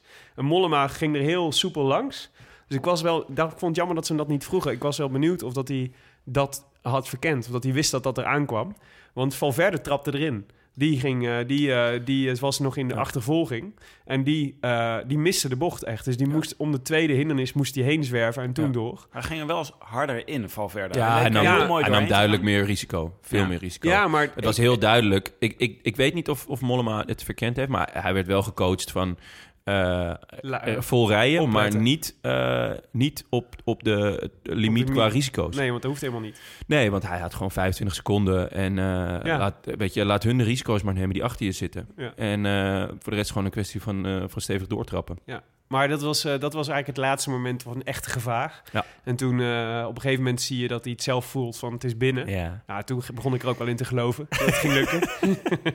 Rasoptimist Die laatste, die laatste paar honderd meter kun je ook lopend afleggen, denk ik dan. Ja. Of met een bloedende hoofdwond, voor mijn Dat part. kan tegenwoordig in het wielrennen. Dat is echt bon ton. Ja. Maar ik, was wel, ik vond wel ook dat hij vroeg begon met juichen. Ik dacht, hij stak al zijn handen in de lucht, waardoor je langzamer gaat. En toen dacht ik, ja, maar nou ga je wel heel langzaam. Ja, je. Je moet van verder nooit vertrouwen. Die heeft zich verstopt achter zo'n auto. Nou, de vaste camera's is altijd het eh, moment een waarop je heerlijk denkt... punt. Oh, Ja. dat is, nu is het, nu is het Ja. goed. Ja. Ja. Als je dan in de, zelf kan constateren in de vaste camera's... Want sowieso, die hele GPS die was gewoon gefukt hè, in de laatste, Mm. laatste 20 kilometer. En dat je dan zelf kan constateren dat ze er nog niet direct achter zitten. ja. Er was één zo'n shot waarin je ze wel zag komen in de verte. Ja. En toen dacht ik, ja, dat is te ver weg. Hè? Maar ik denk zelfs dat volgens mij dat gevoel dat je, eh, de- dat je dan denkt ik ben er en de druk van de trappers af mag halen, weet je wel, en dat dan gecombineerd met zo de euforie die zo meester van je maakt als je zo die, die lijn overrijdt, ja, het moet toch wel magisch zijn. Zo, maar wat, wat de, Bouke was er gewoon emotioneel onder. ja, Ja, Ik had nog een, nooit eh, vertoond. ja Ik- ik, ik, bereidde me voor op de... Oef, ja, dat was wel even pittig. Ja, ja, eh, ja, het is natuurlijk hartstikke mooi dat je hier wint. Mooi. eh. ah, ik, dacht, lekker. ik ga gewoon en ik eh, probeer het even. En, eh, Ja, en soms lukt het en, eh, en soms lukt het niet. nou maar ja, vandaag lukt het wel. eh, Maar huilen, hè, hier. Ja, Hij hing mooi. gewoon over zijn stuur en, eh, en schokken met zijn schouders. Ja, het was echt huilen. Was En- en daarna gewoon, nog, eh, eh, diep huilen. Ja, en daarna nog tranen bij de, bij de ceremonie met eh, het Wilhelmus. Oh, dat- oh, ja, dat- zeker. Vochtige en de ogen. dicht en Ogen echt dicht. genieten. En eh meemompelen. Iemand had overduidelijk tegen me gezegd: eh, geniet van het moment, uh, Bouke. Dat was hij Ja. heel erg aan het doen. Ja, prachtig. Echt heel mooi om te zien. Maar Ja. ja, de, wat zijn zijn grootste overwinningen nu? Want het, het is wel echt... Dit, Eh, pa- deze past wel in het lijstje, hoor. Etappe in de Tour. Etappe in de Tour. Etappe in de. Vuelta. Ja. Classica San Sebastian. Ehm, Zesde in de Tour, zevende in de Tour, vijfde in de Giro, zesde in de Giro, puntenklassement in de Vuelta en eh Oh, derde in de podium, Vuelta, verdomd. podium in de Vuelta. Met dank aan eh, Juan José Cobo, die eh, Oh ja. zijn titel kwijtraakte. Ja. Hij heeft dit jaar gewoon al... hij heeft zich podium Vuelta gereden en, eh, en eh, vijfde in de Giro. Hè? En het begint na. pas, hè? Het tijdperk. Ja, Ja. het- moet je je voorstellen. Ongelooflijk. Ja, het Maar het is eh, een beetje een outsider in, de Nederlandse, in deze generatie Nederlandse renners. Maar geweldig, jongens. Wat heeft hij inmiddels een... dat is dus het mooie. Het leukste aan zo'n generatie goede wielrenners... is dat je een paar, zeg maar, gezichten hebt... waar je dan, weet je wel, je rekent op Van der Poel... en je rekent op Dumoulin. Ja. En maar dat je dan ook nog Mollema hebt voor dit soort dingen. Want dit is toch wel de... Is dit, eh, is dit de grootste overwinning van Nederland in dit seizoen? Hoe verhoudt zich dit tot eh, de Amstel Gold Race van Mathieu van der Poel? Nee, dit is monument. Dit is, Dit is Dit monument. hoger, hoger aangeschreven. Ja. In ieder geval internationaal. ja. Ja. En door mij ook, ook wel. Nou ja, ja. Die van ehm, Van Van der Poel was natuurlijk de, magisch was de, in... was in de manier waarop. Daar, daarmee Ja. heeft hij een soort van ja, een eh, wielergeschiedenis geschreven... Ja. Waar, waar, waar iedereen nog steeds eh likkebaardend eh, van wakker wordt. Ja, En wat dat, maar de Ronde van Lombardij is het hoger aangeschreven dan eh, de Amstel Gold. Ja. Laat dat voorop staan. Ja. Zeker. Dus hier won... groter dan San Sebastian ook. Dus het is gewoon... eh, Ja. Het is echt... Het is, hij zei het zelf ook, hè. Een, een, een monument. Ja. Mooi, een monument Monumenten. gewonnen. Ja, dat is gewoon... Er zijn er vijf, toch? Ja. Dus eh, even kijken. Nou ja, Eh, Milan Milan Sanremo. Ja, De Ronde van. Vlaanderen, Parijs-Roubaix, Luik-Bastenaken-Luik. En, En eh, ja, precies. En dat- dus niet de Amstel Gold Race. Terwijl die wel een beetje het rijtje... ja wij, wij rekenen hem stiekem altijd een beetje bij. Als een mini-monumentje. Mini-monumentje. ja. Maar het was dus Bauke Mollema die hem in 5 uur en 52 minuten voltooide. Met daarachter Valverde die de sprint won van Bernal. En Vogelsang en Wood zaten daar ook bij in het groepje. echt een grote naam, hè? Ja, Ja, Roglic zat in het groepje daarachter hè, met eh, Heek en Boegman. En, eh Latour. nee, De La- Tour, die... oh, nee, Boegman viel en Latour vaak aan. zaten weer net iets daar weer achter. Ja, die, Eh, ja Latour, ja. Die ging- Latour, die was echt heel sterk. Maar ik, Latour- echt heel sterk, maar hij Maar kwam- Latour heeft dus, dat bol- dus wat, wat Mollema vandaag wel had... was het die aanvallen van Latour waren... hij, hij, deed, hij schoot wel heel veel. Ja, het en, was, eh, het was, en, niet, en iedere keer iets minder scherp. ja, het was te veel... eh, Te veel. Net niet, ja, te veel net niet aanvallen, maar... ehm, Als hij het leert timen, dan is Latour een hele goede renner. ja, misschien moet hij even met eh, Van Poppel bellen. Wat ook nog leuk is om even naar te kijken, was dan... eh, het duurt altijd even na afloop van de etappe, maar dan worden de tijden van de beklimmingen komen ook naar buiten. Er zijn altijd mensen die dat zelf timen, hè, met een, eh, Met een stopbordje achter de, Ja. achter de tv. José de Kouwer.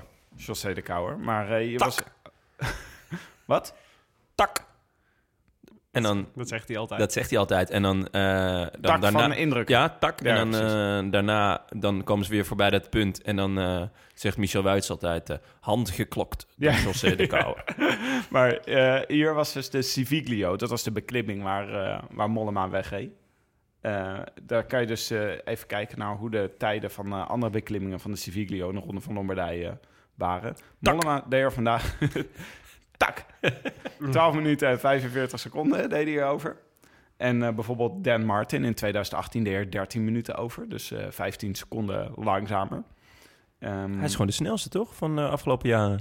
Ja, van alle, alle beklimmingen van de Civiglio in de Ronde van Lombardije en in de Giro heeft hij eh, de snelste tijd gereden, ja. Carapaz, Dus Nibali en Carty waren vorig jaar het snelste. Maar die waren twee seconden langzamer. Ja, ja, het is altijd moeilijk te vergelijken natuurlijk. Als je maar, maar het is wel, het, eh, het, is, zo- het is wel een eh, exemplarisch voor dat hij echt hele goede benen had. En heel goed gereden heeft. Hij Ja. ging echt hard. Volkomen mooi dat Roglic dat zei. Roglic zei van ja, ik had het wel moe het was voor mij wel moeilijk omdat iedereen op mij lette.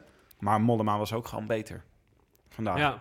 Dat is dan Nou ja, als je van zo'n groep, als je eh, van ja, zo'n groep weg kan rijden en met zo'n, eh, wat ik zei, weet je, hij had zo, zo snel al een behoorlijke grote voorsprong. Ja, dat is wel echt, dat is wel echt heel knap en indrukwekkend. Zo niet Valverde hè, trouwens. Die zei gewoon, ik had hier kunnen winnen, want ik had de beste benen. ja. dus toch net even iets zoeter als je wint en Valverde staat Ik moest er even aan eh. Valverde wennen zonder wereldkampioenschap truitje. Ja. Ineens met een Spaanse, eh, met zijn Spaanse trui. Ja, ja, ja, precies. Valverde is een hoop tweede geworden. Die krijgt de Peter Sagan-prijs eh, Van deze dit week. jaar. Ja, die, Sowieso. is- hij is deze week drie of vier keer tweede geworden. Ja. Valverde kondigde overigens aan dat hij hem volgend jaar wil winnen. De Ronde van Lombardije. Ja, hij zei, eh, volgend jaar ben ik 40, maar eh, ik sluit, ik, eh, ik, ja, hij wil hem nog graag winnen en hij sluit Ja. de kans niet uit. En in 2025 schijnt hij de Ronde van Vlaanderen te willen winnen. Die staat dan op het... Nou, ja, precies. maar weet je trouwens, eh, we vergeten bijna dat eh, Mollema, die heeft dus het WK van volgend jaar in Zwitserland, heeft hij eh, met dikke stift in zijn, in zijn agenda geschreven. En dat is, is dit een hele goede voorbereiding op, hè? Dus schrijf hem alvast Volgens mij is dat WK-parcours nog net iets zwaarder dan de Ronde van Lombardije. Ja, Nog net, iets meer, nog net iets meer klimmen. Dus ik zou daar... ik zou, als ik Egan Bernal was, dan zou ik heel gelukkig worden van dat, eh, van dat terrein. Ja, maar schrijf na vandaag eh Mollema ik met wou net goede zeggen, benen ook. Egan Bernal Nou wordt ja, hier gewoon goed, derde vandaag. hè? Ja, en ook Bernal weet ook, het tijdperk is begonnen. Ik wou net zeggen. Dus ik kan ook eh, ik kan beter gaan triathlon of zo. Misschien wordt Mollema wel kopman van de Nederlanders volgend jaar. Ja, Dat zou toch leuk zijn? een keer? Zou heel leuk zijn. Ja. absoluut. Ehm, Oké, nou ja. eh, was er nog iets anders bijzonders vandaag natuurlijk? Want eh, het was de laatste koers van eh Laurens Sendam. Ja. Die, eh, en dat is natuurlijk de, de, de, de poëzie in, eh, in dit. De, de, waar iedereen hem natuurlijk herinnert van de Tour van Bouw en Lau. Waarin dan de, de koers waarin Laurens afscheid neemt, wordt dan gewonnen door Bouke. Dat is toch... Ja, nou, dat is een mooie... eh, ja. Ik vond het echt... eh, Dat was weer een beetje bouw en lauw. Ja. Ja. ja, mooi. Echt, echt de poëzie. Ze gingen ook samen uit eten, toch, vanavond? Ja, vond ik ook heel leuk. Ja? Ja. Oh, wat vet. En Bouke ging betalen. ja. Wat ik Moest- opvallend vind voor een Groninger, want die doen dat nooit, hè. Nee? Die betalen nooit. Moest hij nou betalen? Moest hij nou betalen omdat hij gewonnen heeft? Word je dan gestraft omdat je gewonnen hebt? Dan moet je ook trakteren. Ja, ik denk Ja. dat hij wel een aardige premie heeft. Ik, denk, ik vermoed dat een dineetje er wel af kan bij Bouke inmiddels. In, eh, waar ze, waar Hij ze- schijnt ook een e- enorm dik contract bij Trek Zeker Fredo te hebben, hoor ik Como. steeds van eh, mensen. Ja? Ja. Hm, vertel. Nou ja, gewoon. Heel dik. Ander- anderhalf miljoen per jaar. Maar Oh, het is ja, dat ook... is, eh, eh, ik zou zeggen, dik, daar kun je ja. wel een keer van uit eten. Ja. nou, nou weet ik, uh, Lau heeft wel een dure smaken.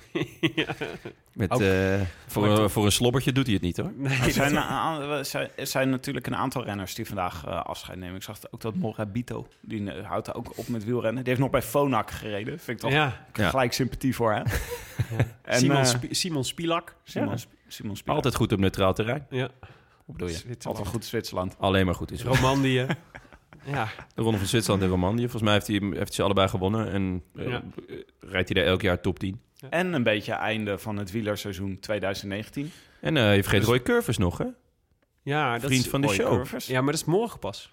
Die, eh, wat is er morgen? Parijs Tours? Parijs Tours. ja. Ja. Die, eh, dat is zijn slotkoers. De, Oh. laatste, de laatste koers die hij rijdt. Misschien wint hij hem nog. Het zou kunnen, Dus, ja. eh, Dat ja, zou wel sluit het classic Het zou, het zou prachtig zijn. Maar Maar het het is zou wel mooi, leuk zijn als hij met een ontsnapping Ik, meegaat. twitter, morgen. ik twitterde er vandaag nog eventjes via de de Rode Lantaarn account dat eh, over dit is een de best beluisterde special ooit hè, die we hebben gemaakt met eh, Roy Curvers. We, we, jullie twee. Ik wou net zeggen, Willem, Voordat jij? jullie hem maken, zal ik het wel doen. Ja. Maar ehm, die, de- het is echt zeer de moeite waard om die nog eens terug te luisteren. Want dat, is, dat was een heel mooi gesprek, vond ik zelf. En eh, dat mag ik zeggen, want ik, eh, het is niet... Ja, ja, eh, we kregen ook veel positieve reacties, is- vooral op jouw Het afwezigheid. is niet een wc-eend. Maar ehm, eh, nee, dat was een tof gesprek. En dat is ook wel heel leuk, want daar blikt hij eigenlijk alweer een beetje terug op zijn hele carrière. En eh, ja, dat was wel echt, ik vond dat heel cool. Dus als je, als je nou, pay tribute to Roy Curvers en luister eh, die, die eh, special nog een keer terug. Ja, man van de sprinttreintjes, hè? dat was De man van eigenlijk de waar het gesprek over ging. Zijn glorietijd was met eh, Kittel en Ja. het sprinttreintje van eh Argos Shimano. Wie hebben ze, zouden ze morgen als kopman in Parijs Tours hebben? Krach Andersen? Of, eh, ja, denk ik wel. Die heeft hem gewonnen vorig jaar, toch? ze Kees Bol meenemen, dan kan hij nog één keer aantrekken voor Kees. Ja. Nou ja, Krach Andersen heeft hem vorig jaar gewonnen, aan Ja. mijn hoofd. Ja, dus, Dus, hij zal eh, wel weer eh, rijden. Ja, hij eh, rijdt in ieder geval met, met, nummer 1. En dan even een eh, terugblik op de, op de monumenten van eh, afgelopen jaar. Ja, Want eh Milaan Sanremo was dus Alaphilippe. Zo, dat is alweer lang geleden, hè? Ja, dat was lang geleden. Alle Philippe, eh, dan zie je toch ook dat je niet een... Dat, nou ja, sommige mensen kunnen het wel. Een Vogelsang bijvoorbeeld. ja. Het hele jaar goed zijn. Maar Allah heeft gewoon eh, na de Tour eh, eigenlijk niks meer, niks meer echt goeds gedaan, toch? nee. Beetje Maar wat een Hij het is geval niet meer, niet meer het, eh, het niveau. Nee, niet meer niveau. Hij Ja. rijdt wel gewoon nog in de top mee. Jawel, jawel. Maar, Maar- Al- Alberto Bettiol, die ook supergoed was aan het begin van het seizoen. Ook Ja. niet meer zoveel van gezien. Nee, terwijl die normaal gesproken altijd wel goed, eh, goed is in het najaar. Canadese koers is hij meestal wel, eh, wel scherp. En de Italiaanse koers is hij ook wel aanwezig. Maar nu... eh, hij reed vandaag mee. Maar eh, We krijgen op zich nog China en Japan. Misschien heeft hij daar... eh, volgens mij staat hij daar eh, niet op de startlijst. Mollema wel trouwens. Die gaat nog naar Japan. Ja. Ja, ik zou, het, lijkt, het lijkt me ook hartstikke leuk. Ik schrijf hem op. Hofstede had er geen zin in in Japan. Ik dacht, Nee? hoe kan je daar nou geen zin in hebben, joh? Oh, dan anders gaan wij in plaats van uh, Lennart. ja, precies. Dat is toch leuk? Ik vermom me wel als Lennart Hofstede. Fi- Philip Gilbert, zien dat toch niet. Philip. Gilbert won Parijs-Roubaix. Was natuurlijk ook... Gilbert heeft toch maar ook weer een seizoen gereden, jongen. Die volgend jaar bij Lo- Lotto Soudal. Ja, En niet alleen volgend jaar. Ook de, twee jaar, de drie jaar daarna. Hij heeft een contract voor drie jaar getekend. Ik ben dus echt... Ik vind dat zo'n mooie renner, Gilbert. Ik vind dat echt leuk. Ik hoop, dat hij weer, ik hoop dat hij ook goed kan zijn zonder eh, nu in de Wolfpack te zitten. Ja, ik denk het, is heel simpel. Hè? Hij gaat toch gewoon, eh, vanaf nu is alles in de teken van Milaan Sanremo. Want dan heeft hij ze allemaal. Die wil die per se winnen. Ja, ik, ik, ik vrees met grote vrezen. Ehm, ik denk dat hij zelf ook wel weet dat de kans klein is. Maar je kunt natuurlijk wel alles doen om te zorgen dat je dan goed bent. ja, nou ja, En dat zal hij wel doen. Het is de vloek van, eh van, van Quickstep. Als je daar weggaat, eh, daarna ben je niks meer. Dus Viviani, eh bye bye, zwaai, zwaai. En hetzelfde geldt voor Gilbert. Maar Gilbert is ook in een andere ploeg heel goed geweest. Ik bedoel, Ja, is- dat het klopt. is niet alleen bij Quickstep. Nee, dat klopt. Maar ehm, ik, denk niet, eh, ik denk niet dat het nog wat gaat worden. Luik, Ik denk ook niet dat de kans groot is dat hij Milaan Sanremo wint. Nee, maar die ik zou heel voor het zelfs. komend voorjaar zou ik zeggen, zoals je hem zag in de Vuelta in de afgelopen, het afgelopen jaar. Het is nog wel echt een uh, taai hoor. Ja, zeker. Luik, Luik werd gewonnen door je Vogelsang. Vugeltje. Ja, Prachtige overwinning. met het slippertje over de, over de weg. Ja. Oh ja.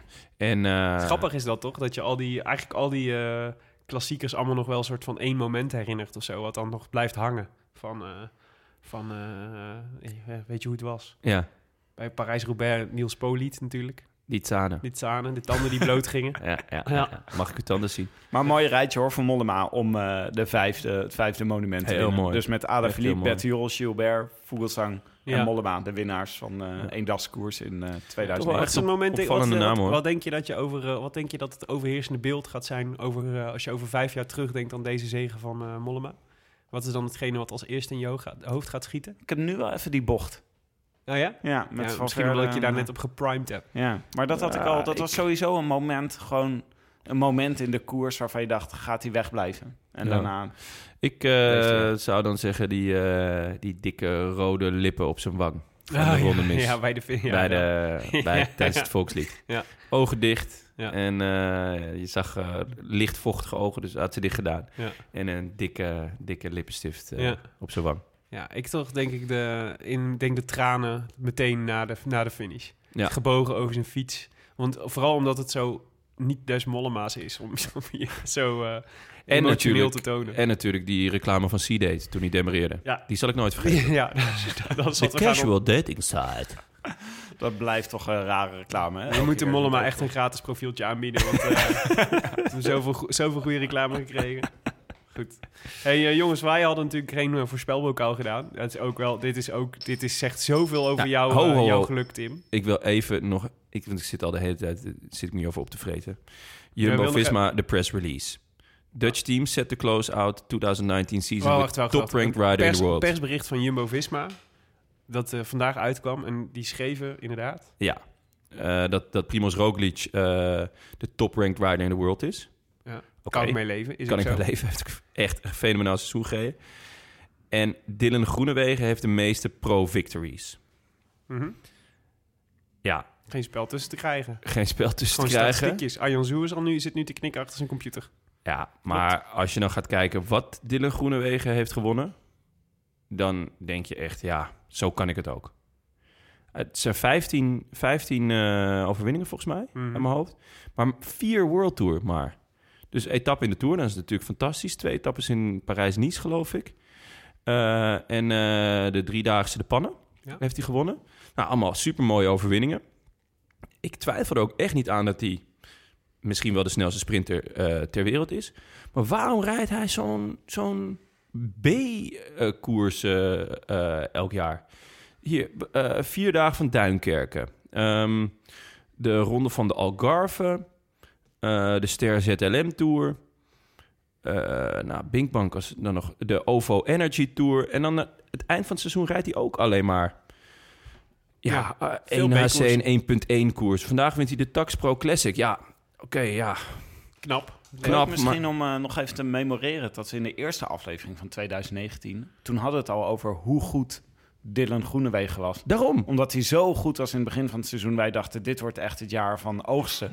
Weet je wel, oogsten zoals Cavendish en Kittel Ja, eh, en, eh, en eh, Cipollini. Weet je wel, oogsten gewoon vijf etappes in de Tour of zo. Ja, zeker. En als je dat vergelijkt met, met Viviani... die gewoon al start eh, Down Under... en dan de Giro rijdt en de Tour... en tussendoor ook nog eh, alle grote eh, klassiekers... waar je ook maar enigszins kans hebt om, om, op een sprint. Ja, ik vind het wel echt heel opvallend. Maar je bedoelt ook, want Viviani, of Groenewegen kan Viviani hebben. Zeker. Toch, en ander, dat maar andersom ook. dat ligt er natuurlijk een beetje aan net, net hoe het gaat. Maar in, in principe is Groenewegen volgens mij een betere sprinter. Maar hij rijdt... Zou het, nog, zou het nog zo zijn dat Jumbo-Visma denkt... ehm, we geven hem nog niet het soort ultra zwaar programma... maar nog een klein beetje proberen... weet je wel, de Tour, maar dan, dan de rest wel een beetje terughoudend zijn... in wat voor koersjes Ja, we ik, ik ben heel benieuwd. Ik, ik, zou dat, ik zou dat wel willen weten. En, en ik ben ook heel erg benieuwd naar hoe dat volgend jaar gaat zijn. Want Ja. ze hebben nu met eh Dumoulin nog een beuker van een kopman erbij. Eh, ja, ik, ik vraag me af ehm, in hoeverre er plek gaat, hem voor, eh, plek gaat zijn voor hem. En dan ook vooral dat hij, dat hij een volwaardig... Gaat het? Ja, het gaat, Het is ook goed dat er even eh, Sorry, pauze is voor jou. Emotioneel. Eh, dat, eh, nee, dat hij een volwaardig World Tour eh, programma gaat rijden. In plaats van dat hij al die, die, die 2 HC eh, Ja. koers eh, rijdt. Weet je wat ik wel heel tof vond? Vandaag, heb je, had je nog gekeken, de Tax eh, Pro Nee. Classic? Nee, Het was ik namelijk... was- kijk alleen World Tour koers. Het was echt vakwerk van, eh, van Jumbo-Visma. Dat wel, wel echt. Maar eh, het was heel leuk, want eh, zowel Timo Rozen als eh, Mike Teunissen zaten in het, in het treintje van, eh, van, eh, Dat is een goed treintje. van Groenewegen. Ja, en Timo Rozen was natuurlijk was eigenlijk altijd zijn, eh, hoe noem je dat? Zijn, eh, zijn chauffeur, zijn lead-out. En die had het is een beetje natuurlijk dit seizoen eh, daarin voorbijgestreefd door Teunissen. Als, als het er echt op aankomt, ook doordat hij op een gegeven moment geblesseerd raakte natuurlijk. Rozen. Maar Teunissen heeft een beetje die rol overgenomen. Maar nu deden ze het eigenlijk met z'n tweeën. En ja, zo, die trein werd er wel ook weer sterker van, zeg. Nee, tuurlijk. Laat dat Dus, het is wel, ze hebben wel echt, als ze willen, weet je, dan kun je wel echt een, in jouw woorden, beuker van een ploeg opstellen rondom, eh rondom Groenewegen. Ja. Weet je, als je daar Krundal Jansen en eh, Tony Martin en zo er nog bij, eh, nog bij denkt. Ja, maar wat dat betreft vrees ik dus echt voor hem. Eh, want die gaat hij niet meekrijgen volgend jaar. Ja, En eh, ja, het zou toch wel fijn zijn als hij gewoon ook, eh, ook veel meer World Tour overwinningen gaat, Nou, gaat misschien rijden. wel. Het lijkt me wel leuk, eh, het lijkt me wel leuk als, de, als Lot eh, Jumbo eh, naar, eh, in september naar de Vuelta gaat met, en, met Martin en eh Rozen en Teunissen en Groenewegen, maar ook met Kruiswijk. Lijkt me echt een toffe Vuelta. Ja, maar ja, Kruiswijk in een vrije rol. Gewoon eh, twee knechten mee voor de bergen. Ja. En dat ze dan Dumoulin Ja, voor de Giro Het- het- het lastigste- eh, bewaren. ja, het lastige daaraan is dat de Vuelta met afstand de minste koers is voor een sprinter. Ja, maar het is een logische stap als je dit, Ja. precies wat jij net zegt, van nu te weinig eh, belangrijke rondes. Maar dan wel mee ook naar de Tour. Ja, dat vind ik zo moeilijk. Ik ben dus helemaal voor, als je wil concurreren met de Ineos, dan moet je de hele ploeg instellen op je, ploeg, op je kopman. En niet met en een sprinttrein en een, eh Nee. eh, ik en ben benieuwd, kopman die- in de bergen. Die parcoursen worden volgens mij altijd rond december of zo bekend. Van de, de Giro en de Tour. Je ziet nu af en toe al geruchten over, eh, over parcoursen en zo. Met wederom geloof ik dat het gerucht ging dat er wederom drie grote tijdritten in de Giro zouden zitten. Met eh 150 kilometer aan tijdrit in totaal, zeg maar. Wederom alles om Tom naar, eh, Ja. naar Italië te krijgen. Zo'n, zo'n, ze, hebben zo'n, zo'n, ze lokken hem zo met allemaal snoepjes. Ja, Kom maar, ja, kom maar, ja. kom maar deze kant op. Nou, de Giro was de saaiste koers van het jaar, hè? dus Ja, die, die- die gaan uitpakken hoor, Die gaan zeker jaar. uitpakken, ja. Ja. Dat wordt Reken uh, daar maar fietsen door de Etna. ja, ja dat, is, maar dat was dus dat is niet eens een grap. Dus dit is gewoon, het staat Ja. echt op het programma. Oh, Misschien niet letterlijk door de Etna. Ik hoorde ook het gerucht dat de Pyreneeën in de Tour worden overgeslagen. Dat vond ik wel ja, heel raar las ik gerucht. ook. Ik hoop niet dat dat eh Nou ja, het hangt, bewaarheid wordt. ja, het hangt er vanaf. want- massief of zo dan in plaats van... Ja, want je hebt wel ook heel veel andere streken in eh, Frankrijk... waar je echt wel toffe bergen en toffe Valse heuvelritten streken. kunt... eh, valse streken? Laat maar. waar je heel veel toffe bergen kunt hebben. En het is ook alweer zo dat door die focus... dat we altijd Pyreneeën en de Alpen moeten hebben, zeg maar... dat het dan ook dat het vaak dan, dat het dan de, vaak de rest zo heel vlak is. Dus Ja, je zou kunnen zeggen, we, maken, we kiezen om de Pyreneeën over te slaan... en in ruil daarvoor doen we heel veel vette heuvelritten. ja, klopt. En waarschijnlijk als ze de Pyreneeën overslaan, dan doen ze er van toe wel. Ja, Die ligt natuurlijk helemaal alleen. eh, in de Alpe d'Huez. Ja. ja. Goed. Maar ehm, het, voorspelbokaal, want daar wilde ik, eh, wilde ik eigenlijk naartoe. ja, sorry dat ik inbrak. Maar Nee, ik, ja, ik wou even dat dit De niet... diepe eh, treurnis is natuurlijk dat Tim altijd Bauke Mollema voorspelt, maar dat we dit keer geen voorspelbokaal hadden gedaan. Maar ik dacht, kijk, Jonne, laten we eerlijk zijn. Stel dat we het hadden gedaan, dan was de kans natuurlijk echt 99% geweest dat Tim Bauke Mollema had voorspeld. Nou, de kans was groter geweest dat hij hem had voorspeld voor de koers van gisteren of de koers van morgen. ja, ja Parijs Tours. Ik Ja. wil hem voor Parijs Tours graag opschrijven.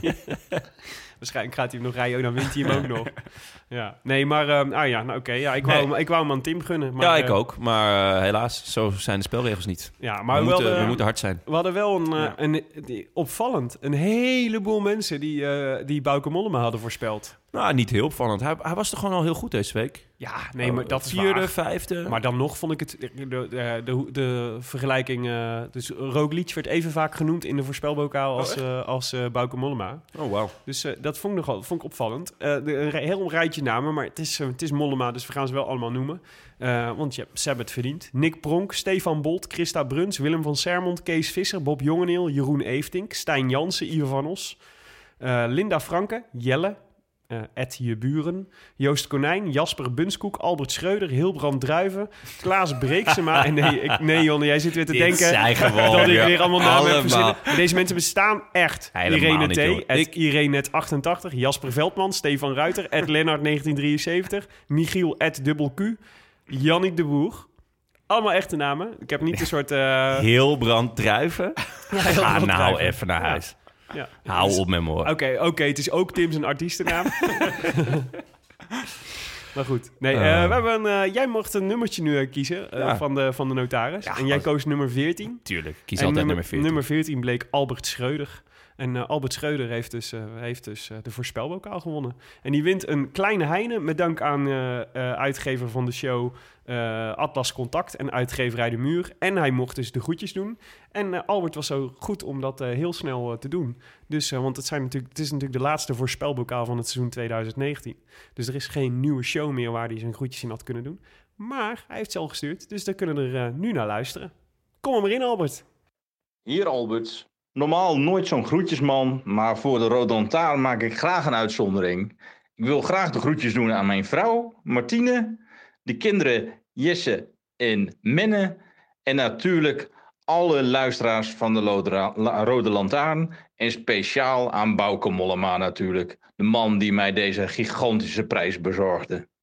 Nou, de groetjes terug, Albert. En eh, gefeliciteerd. Voor eh, de rest van je leven ben je oud voorspelbokaalwinnaar van de Rode Lantaarn. Dat mag eh, in al je, al je biografieën zal dat eh, worden benoemd. Gefeliciteerd. Ehm, Ik wou zeggen, meedoen kan via de Rode Lantaarn, maar dat kan helemaal niet meer, want dit was het laatste voorspelbokaal van het seizoen. Kunnen we hem niet Oh. gewoon openen voor, eh, voor de omloop? Wie wint de omloop het volk? Laat het ons nu weten. Gewoon dat je er de hele winter over kan nadenken. Dat je een shortlist kan maken en dat je dan... eh, Ja, nou, we kunnen al wel zo zeggen dat die voorspelbokaal er wel aankomt. Dus je, wel aankomt. Dus je kunt toch wel, eh, je kunt er alvast over na beginnen te denken. Je kunt alvast een beetje gaan kijken wie is goed in de winter en eh, wie, komt, wie komt kilo's aan. Goed Japan in de gaten houden. ja, precies. Misschien moet jij onze Weight Watcher worden, Jon, deze winter. Wat, wat slaat het op, jongens? ik vind het echt ik vind het schokkend. Je kan gewoon heel goed aankomen. Ongelooflijk. We Tim. kunnen zo meteen even op de weegschaal gaan staan. ik denk dat ik minder weeg dan jullie. Terwijl Gewoon ik toch langer ons ben. bij elkaar. Huh? Om dan ons bij elkaar. Jongen, jongen. ik, ik word hier... Ik eh, denk dat je dat net redt, ja. Wij, eh, wij zijn er nog wel hoor, luisteren. deze winter. Tim, wat gaan we deze winter doen? We gaan eh, specials maken. Dus we gaan bij renners op bezoek. En Ja. dan met ze praten. En dan zeggen we dat ze een uurtje komen en dan blijven we de hele avond. Blijven hangen tot We paar- weggekeken worden. ja, we hebben een paar hele mooie programma's staan. Maar daar wil ik nog even niet eh, op vooruit lopen. Want het is leuker als die gewoon ineens verschijnen. Ja. En Hou eh, onze socials in de gaten. hou onze socials in de gaten. En we hebben een feestje, vrijdagavond 15 november. Ja, zeer waarschijnlijk wel, ja. En het is een heel leuk feestje, want het wordt een, eh, een eh, Zwift party. Ehm, zoals eh, sommige luisteraars weten, doet Het is Koers. onze, onze broeders van Het is Koers, die doen elke vrijdagavond sowieso een social ride vanaf nu. Om vijf over half negen op Zwift kun je dan meerijden met een pelotonnetje op je eigen zolderkamer. Zo, vijf over half negen. Ja, dat is hun tijd. Vijf over half negen. Dat is toch raar? Waarom niet gewoon half negen? Nou, ik weet niet. Misschien omdat mensen vijf over half negen beter onthouden. Oké. Ik heb geen idee wat de redenering erachter is. Het is altijd om vijf over half negen. en het is hartstikke leuk. Ik heb gisteravond ook meegedaan. Het is gewoon een uurtje knallen op eh, Zwift. Ideale manier om het weekend in te gaan. Maar ehm, dat doen ze dus sowieso. Goed aangekomen? Ja, ik stapte af en ik was nog op dezelfde plek waar ik, eh, waar ik was begonnen. Maar ehm, eh, dat is dus elke vrijdagavond. Dus als je Zwift leuk vindt, dan kun je daar sowieso aan meedoen. En 15 november gaan we nog iets extra's bijzonders doen. Dan gaan we namelijk een eh gaan we, eh, Alpe du Zwift beklimmen. Dat is zeg maar de Alpe d'Huez, maar dan op Zwift. Eh, met zeer waarschijnlijk vriend van de show, Mike Teunissen. Ah, dat is leuk.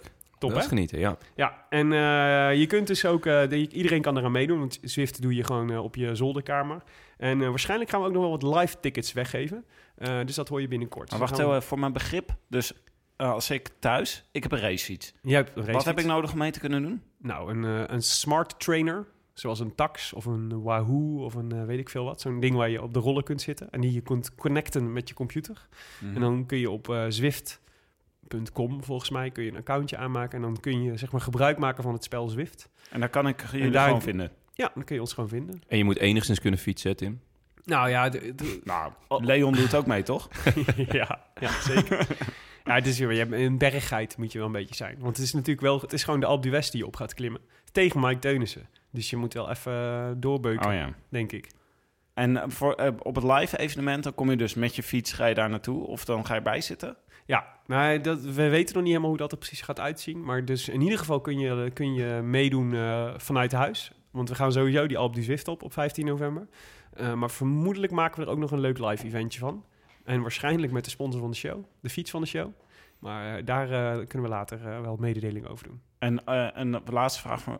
je mag Alpe nog vragen. Vraag maar, Vind vraag raak. Ja, ik vind het gewoon leuk, weet Ja? je. Ik wil ook graag meedoen. Dat kan. Maar Alpe du Zwift is Alpe d'Huez? Of is het, Ja. een, is het het, is iets een- wat de Alpe d'Huez lijkt? Nee, nee, het is, volgens mij is het vrij...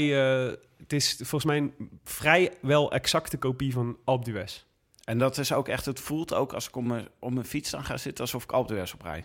Ja, zo zwaar is het inderdaad, ja. Ja. Oké. Het is eh, de, dezelfde stijgingspercentages. En eh, dus dan voel je de weerstand Dus toenemen met je, op je Dus- fiets. Dus in de plaats van gewoon en er is een bocht 7, een oranje bocht. Ora- oranje bocht 7. Dus in de plaats van gewoon lekker achteroverleunen en naar The Voice kijken op vrijdagavond 15 november moet Kun je je- dan Alpe d'Huez Kun je ook, ja precies. Je hele, eens, eh, je hele lijf uit elkaar trekken op, eh, op je Zwift. Een van jullie wel eens op, op de West op gefietst? Nee, wel Alpe d'Huez Zwift. Ah, ja. Ja. Jij, Tim? Nee, ik ook niet, maar dacht, ik ga nu mee. Nou, ik wel. Oh? Prima tijdje, hoor. Ja? Ja, zeker. Wat was je tijd, weet je? Geen idee. Het was echt een dramatische tijd, maar ik ben er wel op gefietst. Had je 40 hazen bij? ja, zeker. En eh, die, de, de, de meeste reden voor me, maar twee ook achter me. Oh, Voor die, eh, voor die extra bescherming. netjes, netjes. Maar zet het vast in je agenda en, eh, en eh, die meer informatie volgt snel via onze sociale kanalen of weet ik veel wat. Maar daar, daar, komen, daar komen we nog op terug. Maar 15 november dus s'avonds in je agenda zetten. Waarschijnlijk iets eerder dan eh, vijf over half negen trouwens, maar dat terzijde. Goed, Jonne. Heel duidelijk. U luisterde naar De Roland Taarn, gepresenteerd door uw favoriete bankzitters... Willem Dudok, Tim de Gier en mijzelf, Jonne Seriese. En natuurlijk dank aan al onze sponsors dit jaar. Scorito, Canyon, de Nederlandse Loterij en Atlas Contact. En mijn moeder en jullie allemaal. De Roland Taarn wordt mede mogelijk gemaakt door Dag en Nacht Media en het Skoers.nl, de wielerblog van Nederland en Vlaanderen. Wij danken hen voor de steun op vele, vele fronten. En in het bijzonder Leon Geuyen, Bastiaan Gaia, Maarten Visser en Bas van Eyck.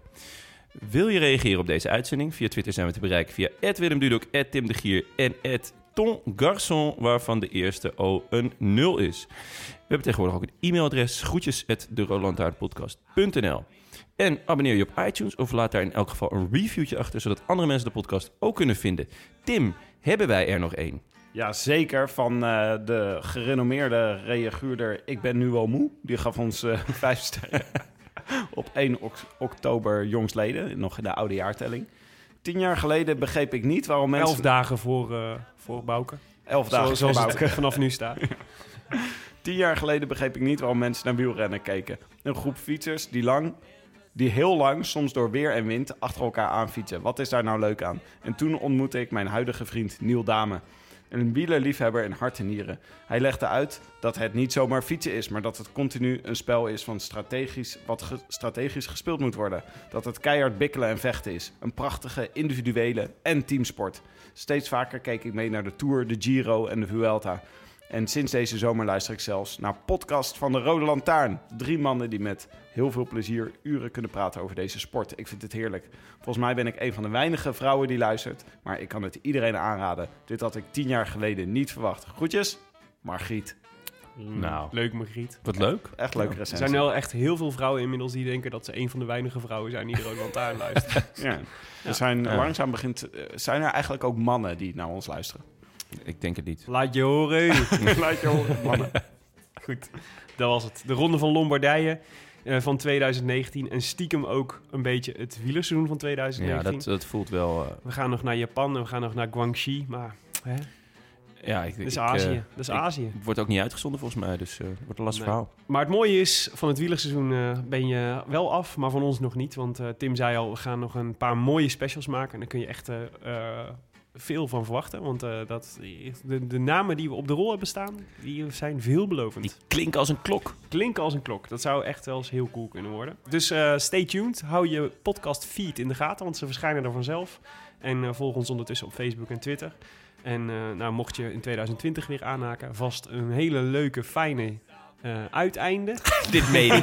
je, je gaat hem gewoon kollen. Medio oktober. Gelukkig nieuwjaar. Uh. Fijne kerstdagen, jongens. Abiento. Abiento. Abiento. I wish I could be in the south of France. Goed de roetje. Heerlijk. In the south of France. Sit right next to